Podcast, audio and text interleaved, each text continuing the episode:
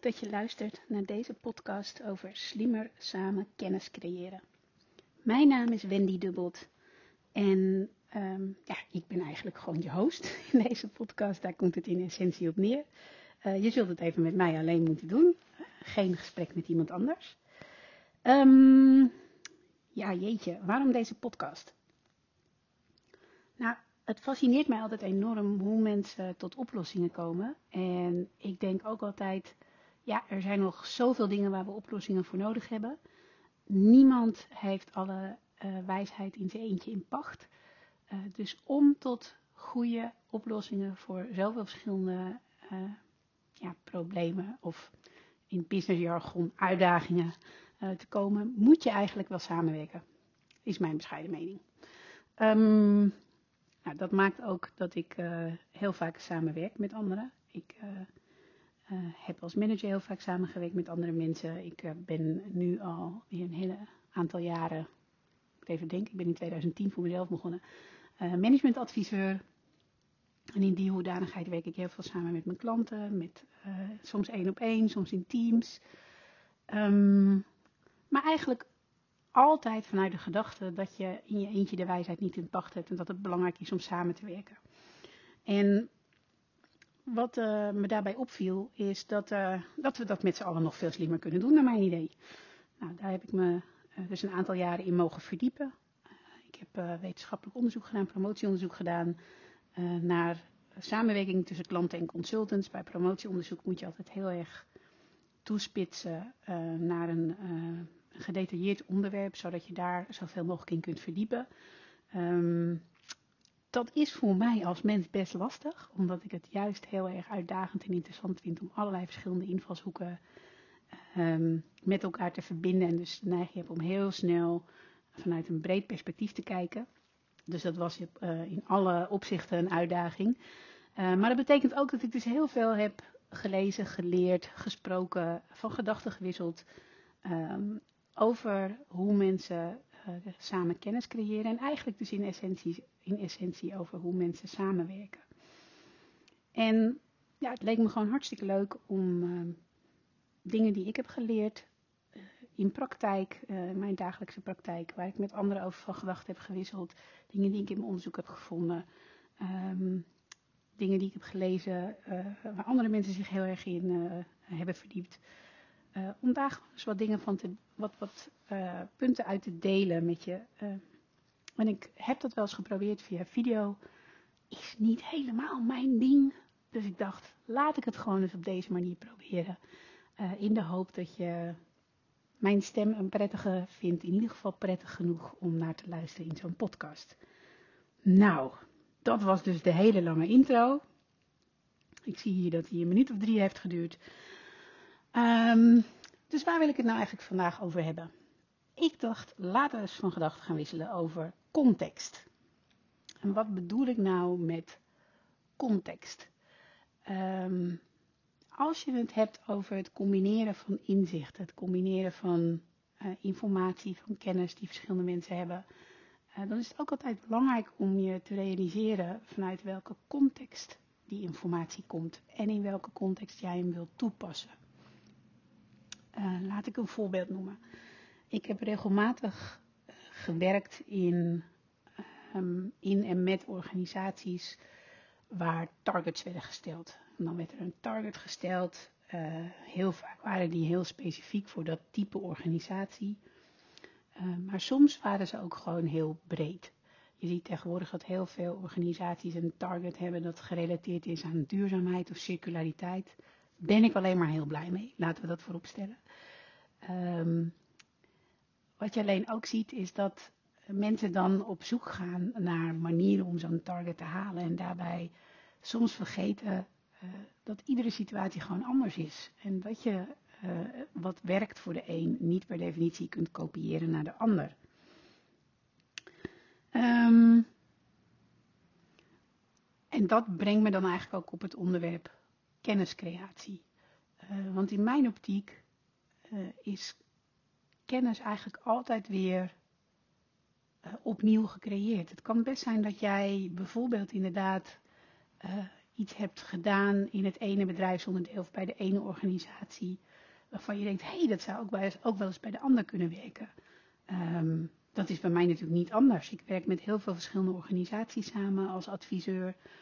En uh, er zijn natuurlijk wel onderwerpen die je eigenlijk altijd wel weer terug ziet komen. Als het gaat over hoe mensen bijvoorbeeld hun projecten besturen of niet. Daar zitten altijd wel dingen in waar mensen, ja, waar veel uh, dezelfde soort hindernissen overwonnen moeten worden. Uh, ik ben soms even aan het zoeken naar mijn woorden, want ik, ik doe dit compleet free flow. Ik dacht gewoon van ja, ik kan, er, uh, ik kan hem helemaal van tevoren uitdenken, maar dan blijf ik er tegenaan hikken. Dus laat ik het maar gewoon op, uh, opnemen.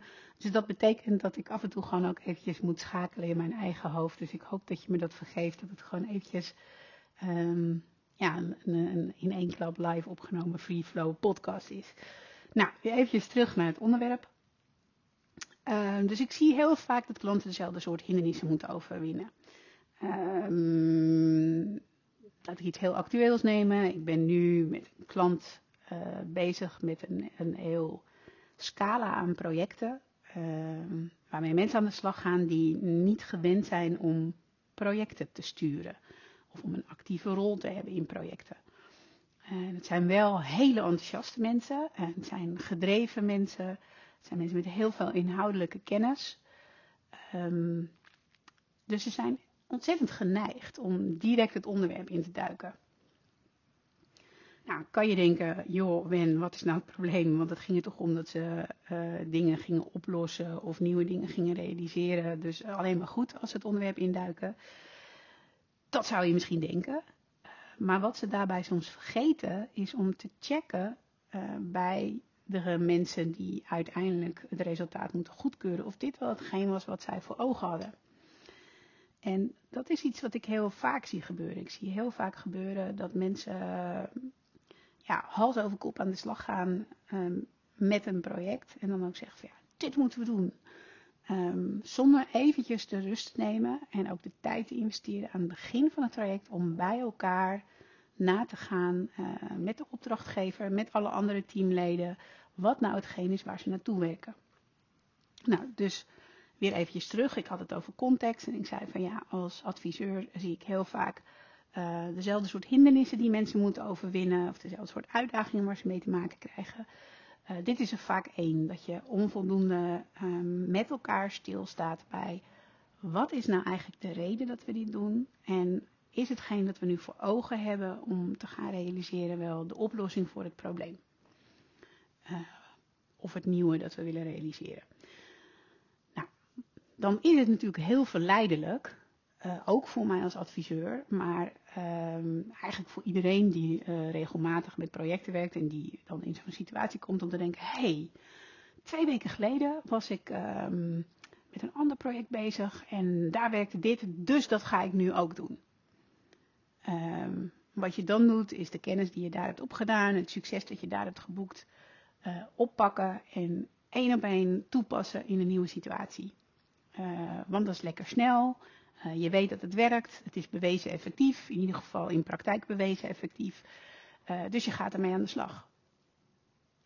Um, eigenlijk trap je dan in dezelfde valkuil als waar de mensen in, in trappen die je probeert te helpen.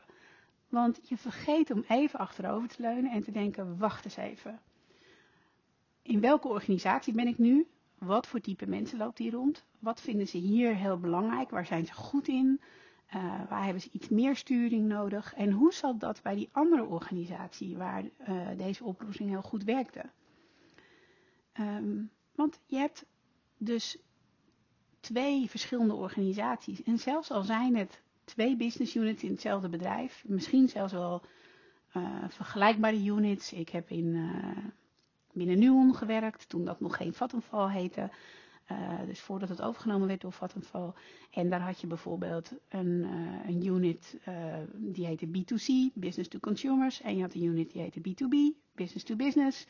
Alle twee verkochten ze producten en diensten aan klanten. En voor de buitenstaander, als ik er bijvoorbeeld met mijn ouders over van gedachten is, dat die hadden zoiets van, nou ja, klaar toch? Je verkoopt alle twee dingen aan klanten. Uh, hoe groot kan het verschil zijn?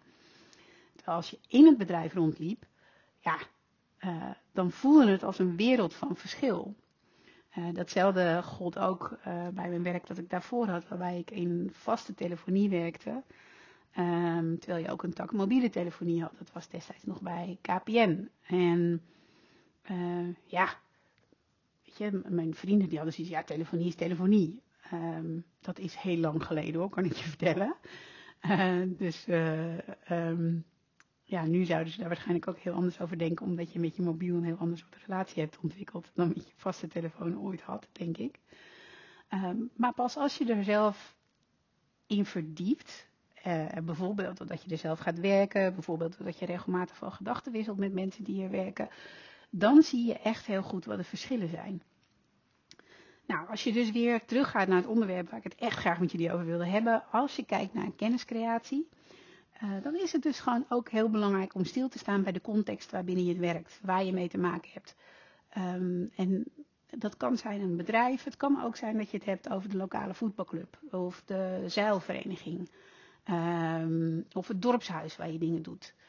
Um, ik werk bijvoorbeeld uh, regelmatig als vrijwilliger uh, voor organisaties. Ik heb een heel aantal jaren gewerkt um, als vrijwilliger bij ons lokale dorpshuis. En um, ik hield me daar uh, bijvoorbeeld bezig met het schrijven van projectplannen. waarmee we dan een, een, grote restauratie konden bekostigen. Het dorpshuis is gevestigd deels in een oud kerkgebouw. Nou, dat kost natuurlijk een hele hoop geld als je dat wilt restaureren, wat nodig was. Um, en er moesten projectplannen voor geschreven worden. En wat ik al heel snel merkte, was dat misschien de basis van die plannen wel gelijk kon zijn. Maar dat het ook heel belangrijk is om goed te kijken naar de organisatie die ze gaat lezen. Wat is de context? Waar, wat vinden zij eigenlijk belangrijk? Uh, dus wat ik deed, was dat ik wel um, basisinformatie had, maar dat ik heel goed ging kijken naar wie gaat dit lezen wat vindt uh, de ontvanger uh, echt heel belangrijk?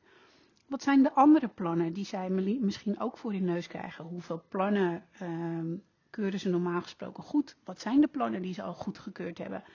En dat deed ik allemaal om een beeld te krijgen bij wat is de context waarbinnen mijn plan gaat landen.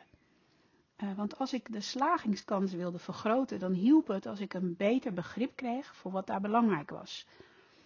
Uh, je zult het misschien zelf ook wel eens hebben als jij um, in gesprek gaat um, met uh, vrienden of familieleden die in een, uh, een, bepaalde organisatie werken of die bijvoorbeeld heel erg fan zijn van een bepaalde muzieksoort of een enorm liefhebber zijn van een bepaalde sport. Dan hoor je allemaal termen op je afkomen en denk je ja joh het zal wel. En dan kan je volledig langs elkaar heen gaan praten. Simpelweg omdat iemand zo ontzettend in de materie zit en jij zo ontzettend niet in de materie zit, dat je langs elkaar heen praat.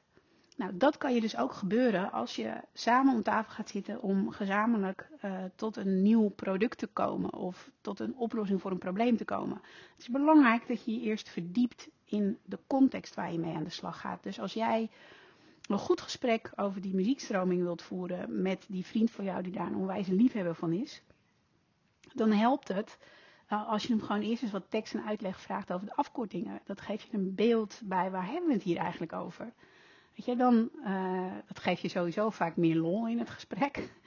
Um, tenzij iemand echt niet meer stopt natuurlijk. Dat je, er zit een grens aan wat je kunt hebben volgens mij. In ieder geval bij mij. Um, maar als jij iets meer te weten komt over die muziekstroming, dan kan je met elkaar een leuk gesprek voeren. En dan kan je uh, vaak ook tot leukere ideeën komen. En dat is eigenlijk niet anders uh, wanneer je met elkaar oplossingen probeert te bedenken voor organisaties, voor uitdagingen waar zij mee te maken hebben. Dus het begint ermee dat je je in elkaar verdiept. Weet je, dat is, het is jarenlang zo'n cliché geweest en misschien is dat soms nog wel dat um, hele technische mensen en mensen uit de verkoophoek um, het lastig vinden om met elkaar um, ja, tot goede oplossingen te komen. Omdat ze gewoon zo ontzettend anders in de materie staan. Maar mijn heilige overtuiging, heilig, ik, ik uh, hang geen geloof aan, maar mijn grote overtuiging is dat um, als je je in elkaars uh, achtergronden verdiept, als je, als je snapt waar de ander vandaan komt en als je snapt uh, waar binnen die ander werkt, dat je beter, tot betere ideeën kunt komen met elkaar. Nou, volgens mij heb ik inmiddels mijn punt wel gemaakt. Als je dus hebt over uh, gezamenlijk, slimmer samen kennis creëren, uh, dan is het heel belangrijk om stil te staan bij de context. Niet zomaar iets te kopiëren dat werkte in een andere organisatie, in een ander bedrijfsonderdeel of in een andere situatie. Maar heel even, voordat je dat meteen wilt gaan toepassen, achterover te leunen. Uh, of juist voorover en met elkaar in gesprek te gaan. Om te begrijpen, wat is de context hier? En wat betekent dat voor het idee dat ik heb? Uh, en hoe ik dat wellicht toch net iets anders moet insteken om de kans op succes te vergroten. Wat vinden mensen belangrijk? Waar komen ze vandaan? Uh, wat houdt hen bezig? Als je in dat soort dingen verdiept, uh, dan vergroot je de kans dat je met elkaar tot betere oplossingen gaat komen, die ook nog eens een keer, maar dat is weer een onderwerp voor een andere podcast, beter geaccepteerd gaan worden. Heel hartelijk dank voor het luisteren naar deze podcast. Mocht je nou meer willen weten, dan kan je bijvoorbeeld voor de echt uitgebreide informatie uh, en de liefhebbers uh, kijken naar mijn proefschrift How Clients and Consultants Create Knowledge and Interaction. Ik zal de link in uh, de beschrijving van deze podcast zetten. Verder heb ik een boekje geschreven. Ik hou er niet van om je eigen werk te creëren, te kleineren. Um, maar dit is een heel informatief en dun exemplaar, vandaar boekje. En dat heet Surprise, Surprise. Slimmer samen kennis creëren. Te koop via managementboekbol.com en uh, je eigen boekwinkel. En verder vind ik het ook hartstikke leuk als je mij uh, laat weten wat je hiervan vond. Misschien heb je suggesties voor andere podcastafleveringen. Ik houd me aanbevolen. Je kunt mij contacteren via wendy.dubbeldwarsadvies.nl. Je kunt me via uh, LinkedIn een berichtje sturen. Ik zal ook die uh, link naar mijn profiel eventjes in de beschrijving van deze podcast zetten. En je kunt me ook via Instagram vinden. daar is mijn Instagram naam WendyDDA. Waarbij DDA staat voor dubbeldwarsadvies. Maar dat werd een beetje lang. Dus Wendy DDA. Voor nu nogmaals heel hartelijk dank voor het luisteren. Ik hoop tot de volgende keer en voor nu wens ik je een hele fijne dag toe. Dag! Hallo en welkom bij deze podcast Slimmer samen kennis creëren. Mijn naam is Wendy Dubbelt en ik gebruik deze podcast om dingen met je te delen die ik uh, ben tegengekomen in mijn wetenschappelijk onderzoek naar kenniscreatie. Um, of die ik uh, in mijn uh, praktijkervaring als consultant tegen ben gekomen, of simpelweg waardoor ik ben geïnspireerd geraakt.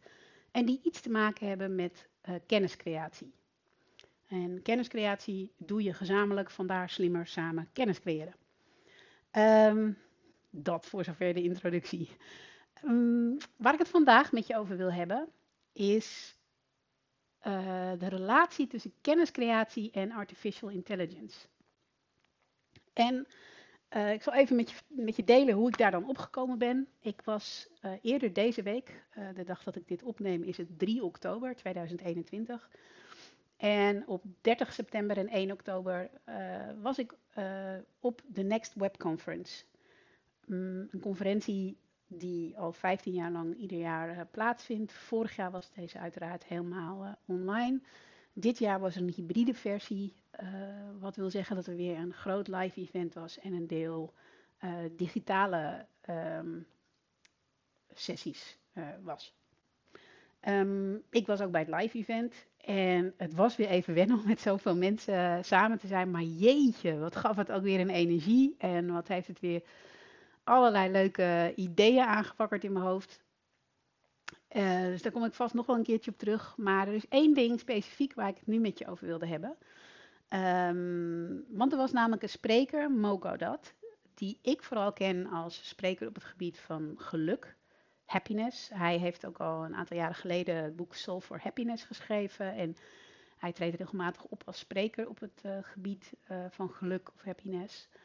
Um, maar dit keer uh, kwam hij eigenlijk met een heel ander bericht. hij heeft een, een boek uitgebracht dat tegelijk met de conferentie verscheen. Scary Smart heet het. Ik zit er nu letterlijk naar te kijken terwijl ik dit opneem aan mijn keukentafel. Um, en dat gaat eigenlijk over de, nou niet eens eigenlijk, het gaat gewoon over de rol van artificial intelligence en onze verhouding daartoe. Um, wat bedoel ik daarmee? Zijn boek is in twee delen gesplitst. Het ene deel uh, gaat uiteraard over de scary kant, uh, dus neg negatieve elementen. Het andere is het smart gedeelte, namelijk hoe wij daar slim mee om kunnen gaan.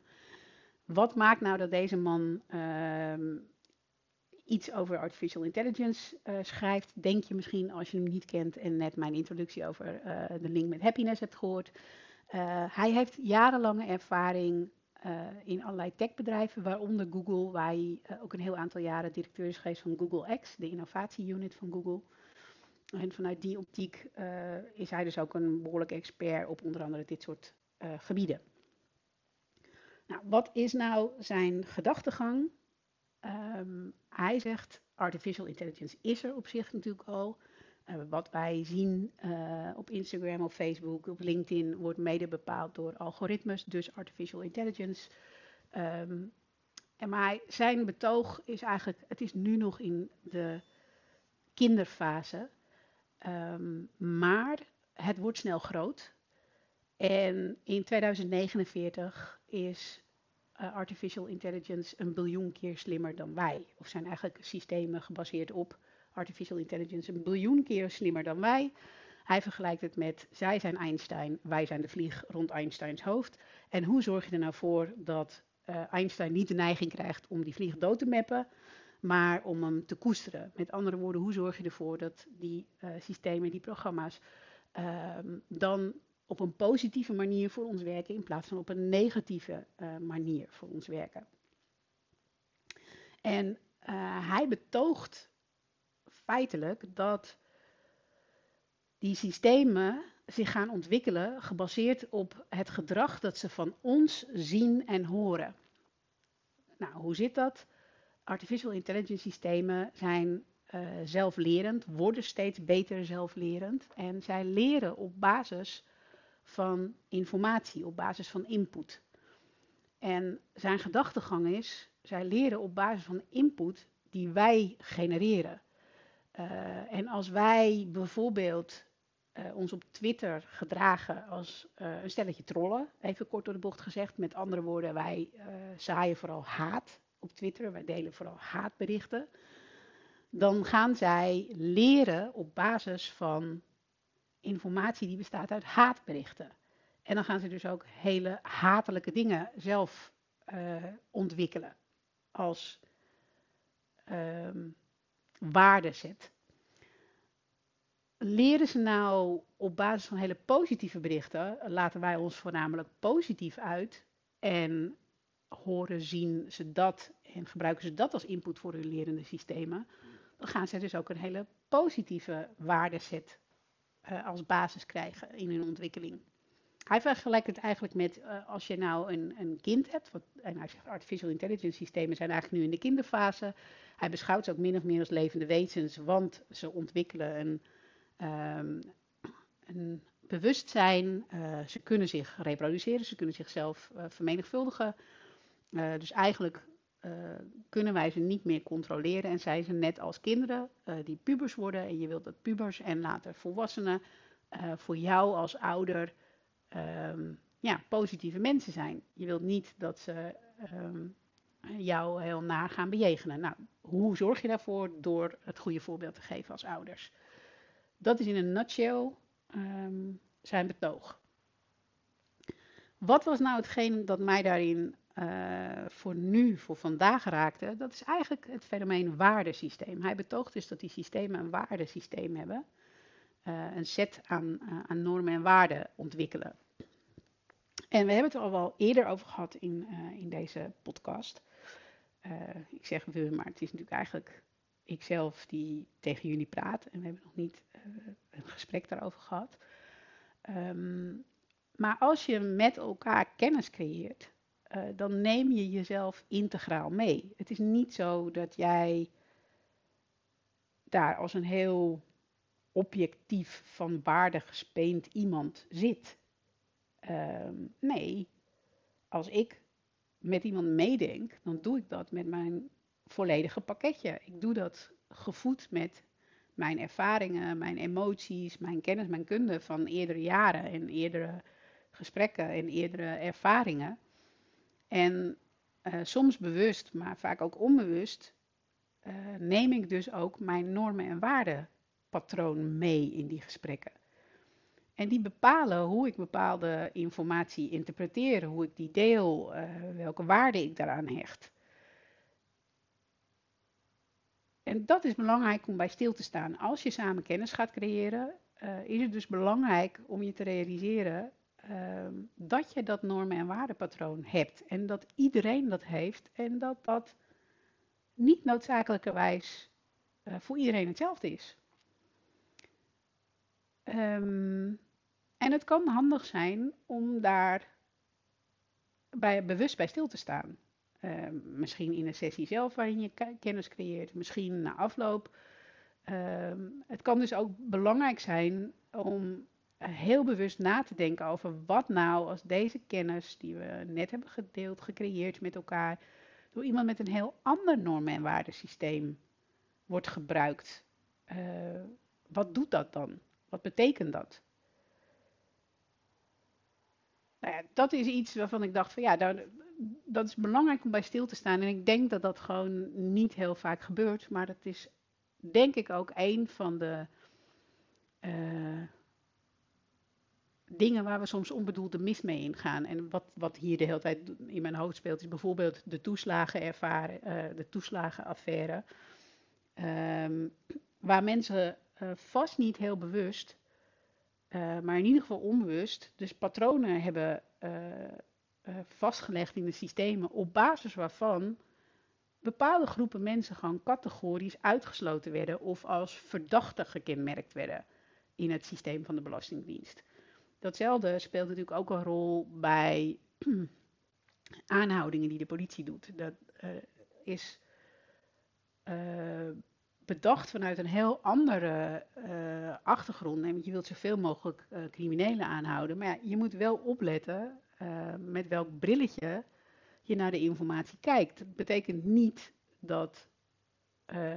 of je, ja, je moet dus goed nadenken over welke informatie stop je in zo'n systeem. en hoe wordt die informatie gebruikt. Uh, en heb je daar een compleet beeld in, is de informatie door een diverse set aan mensen, divers qua normen en waarden, uh, patronen in het systeem gestopt of niet. Want anders krijg je dus uh, dat we eigenlijk doen wat Mo betoogt dat artificial intelligence systemen doen, die zich op haatberichten op Twitter storten als, als leerervaring. Als wij dus alleen maar negatieve informatie erin stoppen, dan zal de output van zo'n systeem dat ons nu helpt, en dat überhaupt nog weinig moraliteit in, maar dat puur gevoed wordt door de informatie die wij erin hebben gestopt, ook negatief zijn. Um, dus dan denk je misschien dat je een heel mooi iets hebt gecreëerd, dat je een nieuw systeem hebt gecreëerd, dus kennis hebt gecreëerd, maar je hebt een heel erg biased iets gecreëerd. Um, garbage in is garbage out. Dus dat um, nou ja, staat ons dus alleen maar in meer uh, opzichten te wachten als je de scary kant van het verhaal van Mogo dat uh, vasthoudt. Aan de andere kant, als wij ons dus steeds bewuster zijn van dit soort dingen, daar ook bewuster mee omgaan en vooral naar de positieve aspecten kijken en vooral handelen, dan staat ons de smart toekomst te wachten uit het verhaal van, uh, van Mogo dat. Even heel zwart-wit gezegd. Um, natuurlijk klinkt dit misschien voor veel mensen als iets heel abstract of als een ver van je bedshow. Uh, maar ik vond het een interessant uh, gedachteperspectief. Uh, vooral vanwege het haakje waardepatroon. Want wij hebben allemaal ons eigen normen en waardepatroon. Daar sta je misschien niet altijd bij stil. Ik in ieder geval niet iedere dag. Ik roep wel regelmatig, ik ben een heel moralistisch mens. Maar dan nog is het mijn moraal, niet per se die van een ander. En het kan uh, bij sommige uh, kennis die je samen creëert heel belangrijk om daarbij stil te staan. Bijvoorbeeld als je samenwerkt aan een systeem voor een overheidsdienst zoals de Belastingdienst uh, of de politie. Denk goed na over de set van normen en waarden die daaraan ten grondslag ligt. En toets ook hoe wordt de output gebruikt als je hem met een andere set van normen en waarden zou benutten. Lang verhaal kort.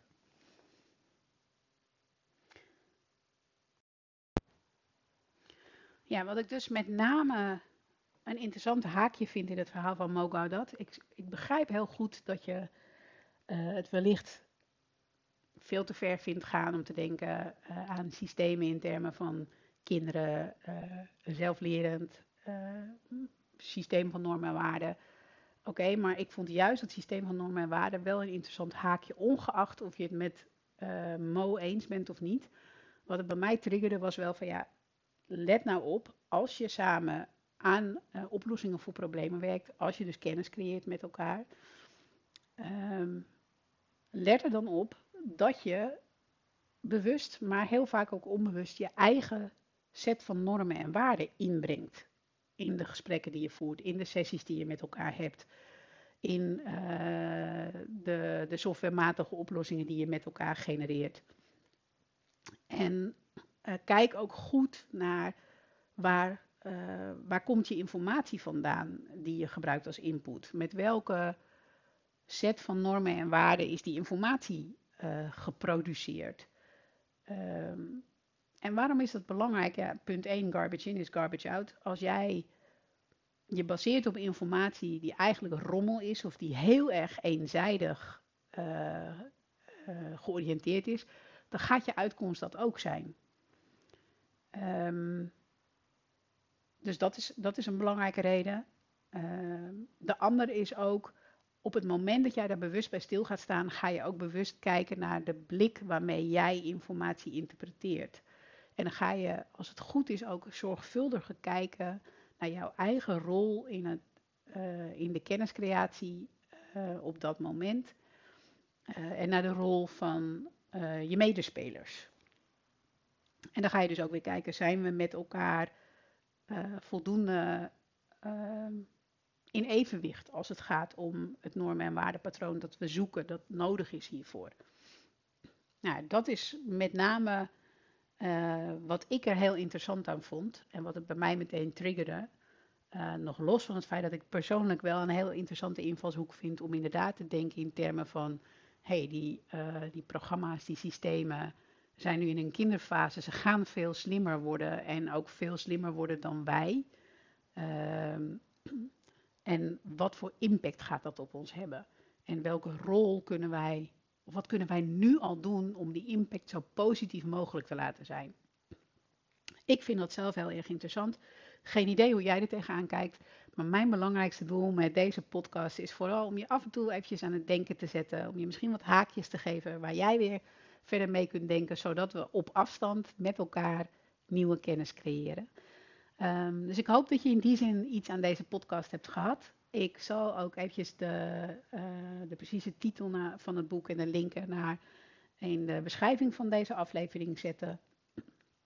Uh, mocht je meer afleveringen willen horen, uh, kijk dan vooral in jouw podcast-app. vind het ook leuk als je daar een waardering aan geeft. En mocht je het interessant vinden om deze te delen met anderen, voel je vrij. En ik hoop je volgende keer uh, uh, weer te treffen. Uh, misschien live, misschien via social media. en anders in een nieuwe podcastaflevering. Een hele fijne dag gewenst. Dag! Hallo en welkom bij een nieuwe aflevering van de podcast Slimmer Samen Kennis Creëren. Mijn naam is Wendy Dubbelt en in deze podcast deel ik graag mijn um, bevindingen uit onderzoek, uit praktijk, maar ook dingen die me inspireren in relatie tot kenniscreatie. En aangezien je in ieder geval, uh, in, uh, volgens mijn filosofie, samenwerkt om kennis te creëren, gaat het dus over samen slimmer kennis creëren. Vandaag uh, wil ik het heel graag met je hebben over artificial intelligence in relatie tot kenniscreatie. En voordat ik uh, daar wat meer over vertel, misschien even iets over hoe ik daar dan op kom. Eigenlijk komt dat door twee dingen. Ik neem deze podcast op op zondag 3 oktober. En in deze week ben ik aanwezig geweest bij de Next Webcam Conference. Die plaatsvond op 30 september en 1 oktober in Zaandam. Um, was weer een nou, het was eigenlijk een hybride conferentie. Er was een groot deel live, waar ik ook bij was. Maar er was ook een aantal sessies uh, online te volgen. En um, ja, er gingen veel sessies over uh, artificial intelligence, quantum computing, relatie met klimaat en dergelijke. Maar er was één sessie uh, van Mo Gaudat die bij mij iets triggerde waar ik het met je over wil hebben vandaag. Daar kom ik zo op terug. En de andere aanleiding voor de podcast van vandaag is de film, of eigenlijk ja, documentaire Coded Bias, uh, die ik op Netflix heb gekeken. En uh, die dingen samen leiden me tot het onderwerp van vandaag. Eerst eventjes um, over de film. In de film zie je eigenlijk voorbeelden van hoe algoritmes uh, met een vooringenomenheid oordelen kunnen vellen over allerlei zaken. En een van de um, belangrijke vooroordelen die je daarin terugziet, is die waarin bijvoorbeeld de gezichtsherkenningssoftware van Amazon um, witte mannen een stuk beter blijkt te kunnen herkennen dan zwarte vrouwen. Daartussenin zitten witte vrouwen en zwarte mannen. Um, en dat heeft ermee te maken met de training van het algoritme. Dat algoritme uh, dat is uh, uiteindelijk zelflerend, maar je moet het wel trainen daarin. En dat blijkt dus vooral gedaan te zijn met beelden van uh, witte mannen. waardoor het veel slechter in staat is om zwarte vrouwen te herkennen. Um, nou, ga vooral de, de, documentaire kijken. Zeker interessant wat mij betreft, omdat het je een beeld geeft over algoritmes, de impact ervan.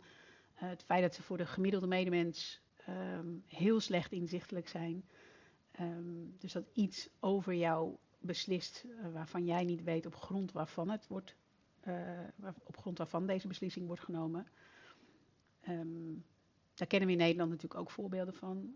Uh, als het gaat over etnisch profileren, als het gaat over punten als de, de toeslagenaffaire op basis, waar mensen op basis van programma's van de Belastingdienst als fraudeur werden aangemerkt daar heel, heel, heel erg veel uh, nadelen van hebben ondervonden. Uh, tot en met uithuiszettingen, uh, scheidingen enzovoort.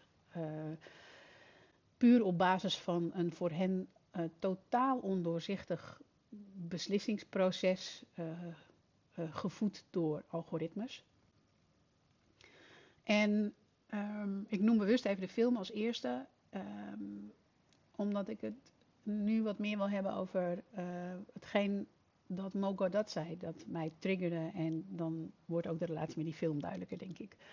Mogo dat kende ik uh, vooral als spreker op het gebied van geluk, happiness. Hij heeft ook een, eh, aantal jaren geleden een boek geschreven, Soul for Happiness. Um, hij is een bekend spreker, veel gevraagd spreker op het gebied van happiness. Maar hij stond op de conferentie vanuit een heel ander gedachtegoed. Eh, zijn nieuwste boek Scary Smart over de rol van artificial intelligence en vooral onze rol daarbij. Uh, is namelijk parallel aan de Next Web Conference uh, gelanceerd. Dus het kwam uit volgens mij officieel op 1 oktober. Ik kocht het op 30 september. Um, en hij gaf op de conferentie ook een, um, een keynote speech over dat boek. Nou, heel kort om jullie mee te nemen daarin. Uh, hij zegt het boek kent eigenlijk twee delen, scary en smart. En zijn gedachtegang is, uh, artificial intelligence is er al.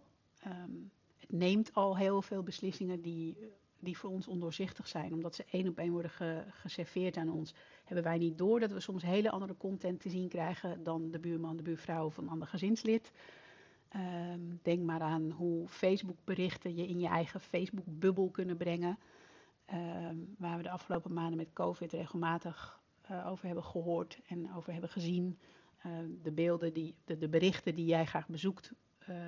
Daarvan concludeert Facebook van hey, jij wilt zeker meer van hetzelfde zien, waardoor je steeds verder in je eigen tunnel wordt gezogen, wat die dan ook is.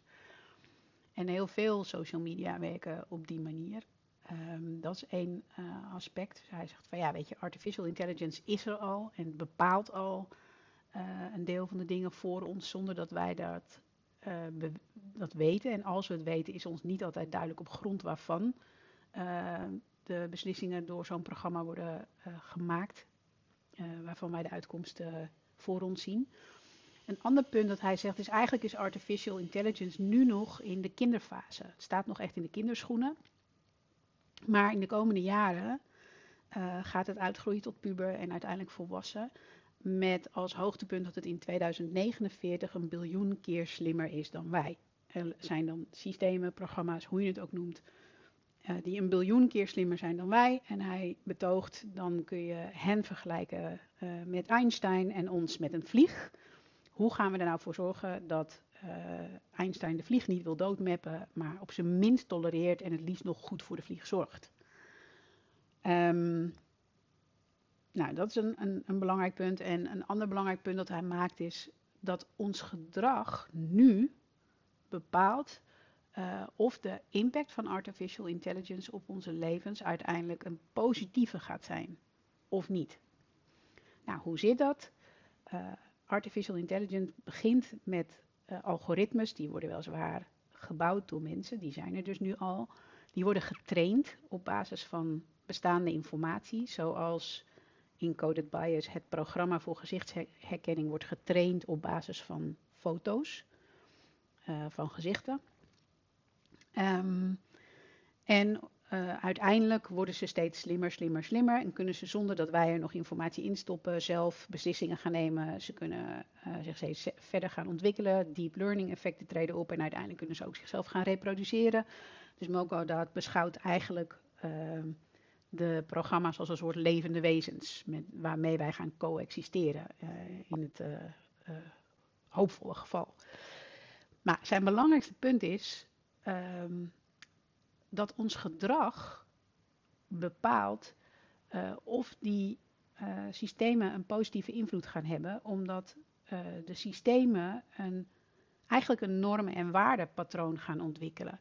En dat normen- en waardepatroon dat ontwikkelen ze op basis van de input die wij voor hen genereren. dus als wij als het programma getraind raakt op basis van bijvoorbeeld Twitterberichten en wij uh, zaaien vooral haat in onze Twitterberichten, wij hebben uh, boze berichten, we maken ons kwaad, we schelden mensen uit, uh, we lopen alleen maar te mopperen, dan is dat het beeld dat um, het algoritme krijgt en op basis waarvan het leert. En dan zal het dus ook zichzelf tot een negatief iets gaan ontwikkelen. Er is ook een voorbeeld van een chatbot uh, van Microsoft, uh, T.ai, die na 16 uur online werd gehaald, omdat die heel snel werd getraind in negatieve, haatzaaiende Twitterberichten en ook zelf dat soort Twitterberichten ging uitspugen. Daar schrok Microsoft zo van dat ze het offline haalden. Er is een ander voorbeeld, dat is niet per definitie negatief, maar dat is in ieder geval volledig black box uh, bij Facebook, waar programma's met elkaar begonnen te praten, maar de programmeurs konden niet eens meer zien waarover, welke informatie werd uitgewisseld, waar dit over ging. En ze zagen dus dat daar beslissingen uit voort zouden komen, uh, die ze gewoon niet meer konden volgen. Dus ze hebben ook dat experiment stilgezet. Dus wat je ziet is, die programma's die leren op basis van de input die wij hen voorschotelen. Dat betekent dat je dus wil je ze nu als kind een goede opvoeding meegeven, zodat het verantwoordelijke ouders worden met een, een normen- en waardestelsel dat ons nog tolereert en het liefst ondersteunt. Dus worden het kinderen die uitgroeien tot volwassenen die weer voor hun ouders, lees wij, gaan zorgen. Moet je ze een positieve input meegeven, dan moet je een goed voorbeeld stellen. Dat is in een hele korte notendop uh, hetgeen dat Moga dat betoogt. Uh, het scary deel zit dus in, het is er al, het leert vanzelf. Het kan negatieve dingen gaan doen. Het smart deel zit in, wij hebben invloed. Wij voeden de informatie in basis, als dat een positieve is, met een positief norm- en waardestelsel, uh, dan zal um, artificial intelligence leiden tot, tot positieve impact op onze levens. Nou, dat normen- en waardestelsel, die gedachtegang, dat triggerde wat bij mij. En dat werd nog een keer versterkt door de film Coded Bias, waarin je dus inderdaad ziet dat de informatie, uh, die waarschijnlijk volledig onbewust biased was, leidt tot hele negatieve uitkomsten.